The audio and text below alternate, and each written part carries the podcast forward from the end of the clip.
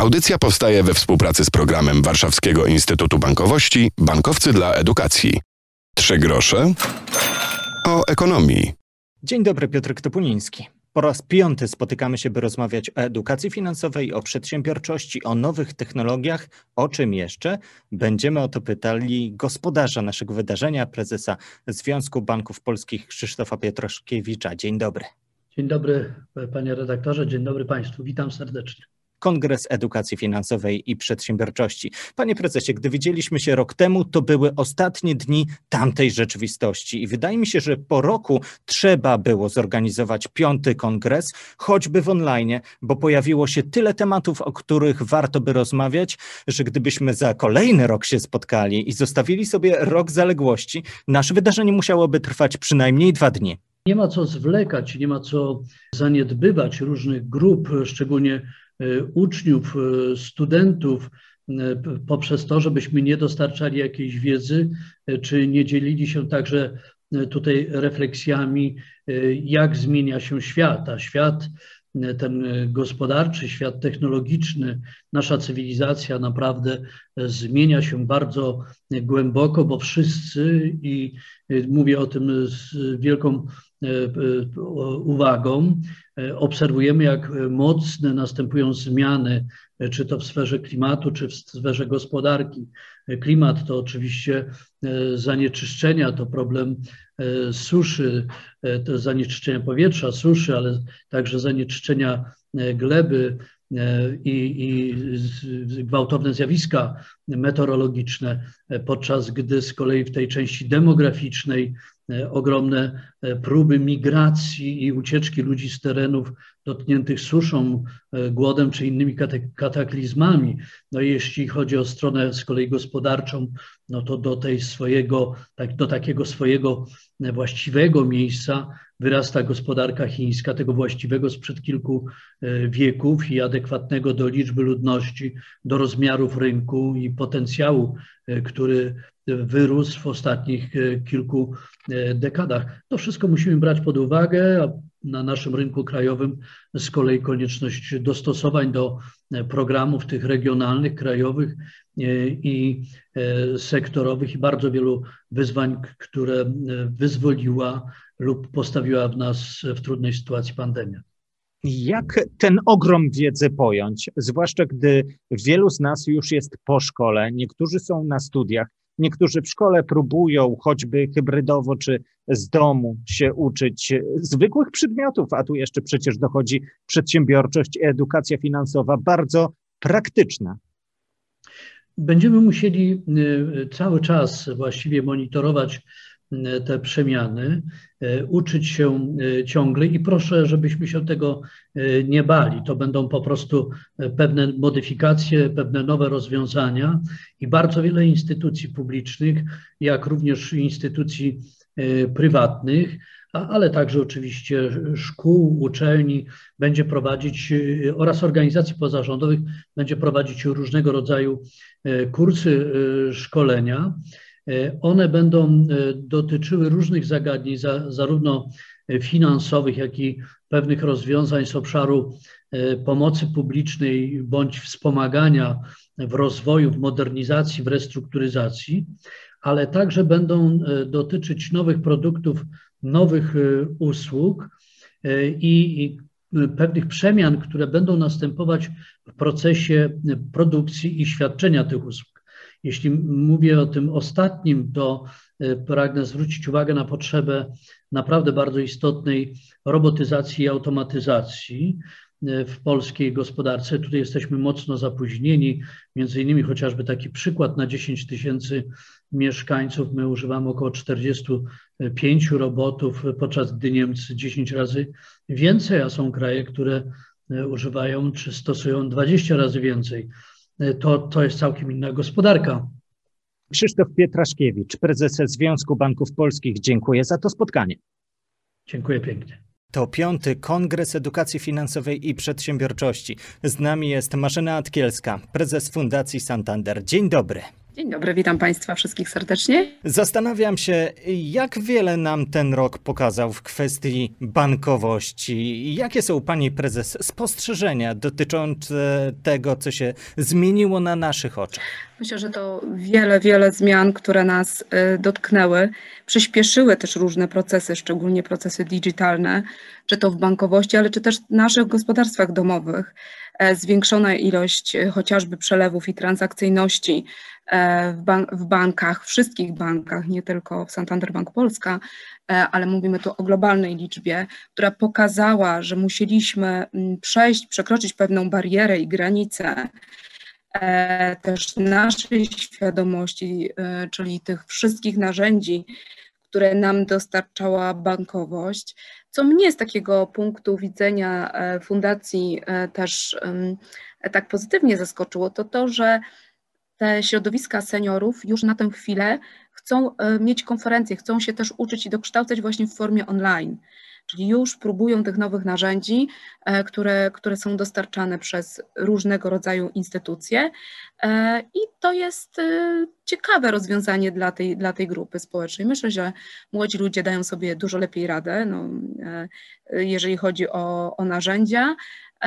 No a my tutaj w bankach przede wszystkim tworzymy nowe usługi, nowe produkty, nowe rozwiązania które są bardziej mobilne, e, pozwalają brać chociażby szybko kredyty, pożyczki e, krótkoterminowe e, właśnie online, więc jakby, jakby to też zmieniło nasze postrzeganie. Wydaje mi się jednak, że by korzystać z tych produktów w sposób odpowiedzialny, e, w pełni świadomy, to jeszcze wiele musimy się uczyć i projekty edukacyjne ze strony banków są. Wydaje mi się, że banki są często taką encyklopedią czy kompendium wiedzy na temat bankowania, na temat produktów finansowych i zanim podejmiemy ważną życiową decyzję, warto albo się spotkać, porozmawiać w internecie, albo w realu, albo poczytać czytać. Tak, zgadzam się e, oczywiście, bo oprócz tych takich fantastycznych e, stron, czyli tego, że mamy tą dostępność jako klient we własnym domu, i możemy sami sobie wyklikać, e, sami zrobić sobie suwakami różne raty, wielkości kwoty spłat i inne rzeczy, kupić też ubezpieczenia to jest ta też e, druga strona, tak? czyli ta odpowiedzialność i wiedza, o której Pan powiedział. Jak najbardziej my jesteśmy tutaj e, po to, żeby pomagać. E, mówimy tu o pracownikach banku, o pracownikach call center, którzy jak najbardziej mogą się też w tej w dobie tych czasów łączyć online i rozmawiać tak chociażby jak my dzisiaj, więc można taką rozmowę przeprowadzić. My też przeprowadzamy dużo akcji edukacyjnych dla młodych ludzi, E, przede wszystkim to, żeby czytać, bo te wszystkie umowy przychodzą najczęściej na maile, przychodzą poprzez linki. Osoby nie otwierają tego e, często albo nie, nie czytają po prostu. Więc to jest też bardzo ważna kwestia, żeby nie być niczym zaskoczonym, że mimo że robimy to z domu, samodzielnie, ale nadal musimy być odpowiedzialni za swoje własne bezpieczeństwo. E, no też będziemy dzisiaj na konferencji mówić o różnego rodzaju zagrożeniach związanych z cyberbezpieczeństwem, więc też warto posłuchać tego. Ten kongres ma też na celu to, żebyśmy e, pokazywali różnym grupom społecznym, od najmłodszych do, do najstarszych, jakie są te plusy, ale też na co zwrócić uwagę, e, żeby po prostu czuć się bezpiecznie i komfortowo.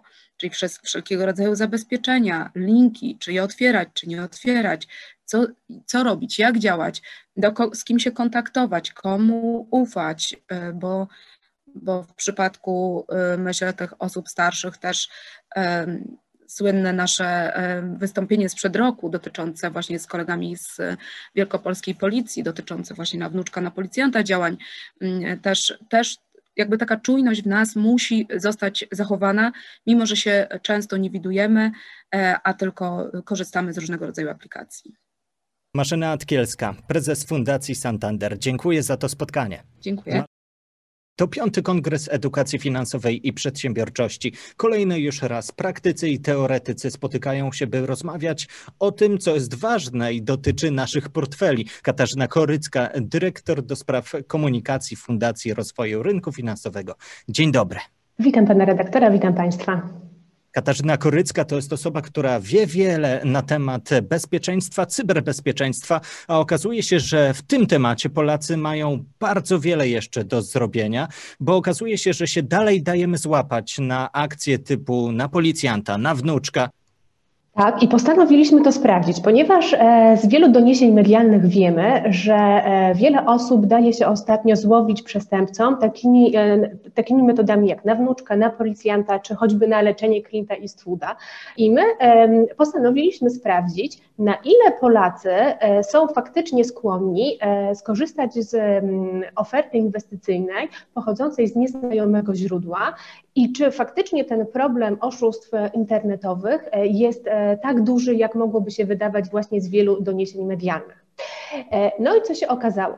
E, przeprowadziliśmy badanie na ponad e, tysiąc, tysięcznej grupie docelowej, na reprezentatywnej próbie Polaków i zapytaliśmy ich, czy gdyby otrzymali na maila ofertę inwestycyjną, w której ktoś namawiałby ich do zainwestowania w kryptowaluty 10 tysięcy złotych i co prawda ta oferta pochodziłaby od nieznanej firmy, ale obiecującej wysokie zyski, to czy oni skorzystaliby z takiej oferty? No i pocieszające jest to, że 45% Polaków uznało taką ofertę za podejrzaną i nie skorzystaliby z tej oferty. Kolejne 35% ankietowanych przez nas konsumentów e, uznało e, i jakby od razu deklaruje, że kryptowaluty to nie jest inwestycja dla nich, nie są zainteresowani inwestowaniem mm, w, w tego typu formy. Natomiast 20% Polaków zainwestowałoby w kryptowalutę i skorzystałoby z oferty, która de facto pochodzi z nieznajomego źródła, bo ta oferta po prostu przyszłaby na maile od nieznanej firmy. E, a tak naprawdę im wyższe są obiecywane, im wyższe byłyby obiecywane zyski przez e, dany podmiot, tym nasza skłonność do skorzystania z tej e, oferty jest wyższa. Czyli e, jeśli ktoś zaproponowałby nam e, 50% zysków z zainwestowanej kwoty, to aż jedna na pięć osób uległaby tutaj namowie i skorzystałaby z tego typu oferty. To jest dość niepokojące, a jeszcze bardziej niepokojące, ale też zadziwiające, wydaje się fakt, że mm, osoby, które już kiedykolwiek padły ofiarą e, oszustwa internetowego, które już mają za sobą przykre doświadczenia, są bardziej skłonne do ponownego skorzystania z nieznajomej oferty niż osoby, które jeszcze takich przykrych doświadczeń za sobą nie mają. Czyli no, Polak nie jest jednak mądry po szkodzie, mądry jak po mówi szkodzie. nasze przysłowie. Do, do, dokładnie. To nie uczymy się na własnych błędach, nie wyciągamy z nich nauczki. Spróbujmy nie popełniać błędów. Wykorzystajmy ten czas jako taką lekcję podstaw przedsiębiorczości już rozumiemy, że nie ma czegoś takiego jak szybki, łatwy zysk. O czym jeszcze powinniśmy pamiętać?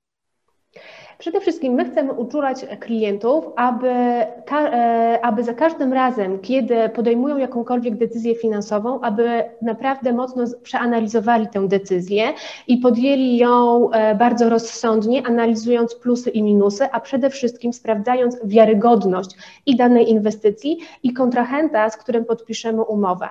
E, musimy pamiętać, że każda inwestycja, nawet pochodząca od legalnej firmy, z wiarygodnego źródła, wiąże się z ryzykiem utraty części lub całości przekazanych środków. Więc pamiętajmy, że każda inwestycja to jest ryzyko. E, po drugie, sprawdzajmy wiarygodność e, naszego podmiotu, sprawdźmy, czy nie jest on wpisany na liście ostrzeżeń publicznych prowadzonej przez KNF, czy jakie są opinie w internecie na temat e, danego podmiotu. Dobrą praktyką jest e, sprawdzenie w wyszukiwarce, wpisanie nazwy danej firmy wraz z takimi sformułowaniami jak przekręt, oszustwo finansowe. Być może już tam będą jakieś ostrzeżenia innych konsumentów, innych osób, które dały się ulec, e, dały ulec się mm, tej, tej nieuczciwej praktyce. Więc sprawdzajmy właśnie, kto jest po drugiej stronie i nie przekazujmy jakichkolwiek danych osobowych ani dostępu do naszych urządzeń, do telefonu, do komputera, jeśli e, nie wiemy, kto jest po drugiej stronie, jeśli nie mamy podpisanej żadnej umowy e, z, z tą drugą stroną, e, bo mm, no nigdy nie mamy pewności, czy jednak nie ulegamy właśnie jakimś takim nieuczciwym praktykom. Pamiętajmy, że przestępcy stosują wiele socjotechnik, a my na te ich manipulacje niestety, co wynika też z naszych badań, jesteśmy mocno podatni. Katarzyna Korycka, dyrektor do spraw komunikacji Fundacji Rozwoju Rynku Finansowego. Dziękuję bardzo za to spotkanie. Dziękuję bardzo. I to wszystko na dzisiaj w audycji. Trzy grosze o ekonomii warto sprawdzić na Spotify i w ulubionej aplikacji z podcastami. Zachęcam do obserwowania i słuchania. Piotr Topuliński, do usłyszenia. Audycja powstaje we współpracy z programem Warszawskiego Instytutu Bankowości Bankowcy dla Edukacji.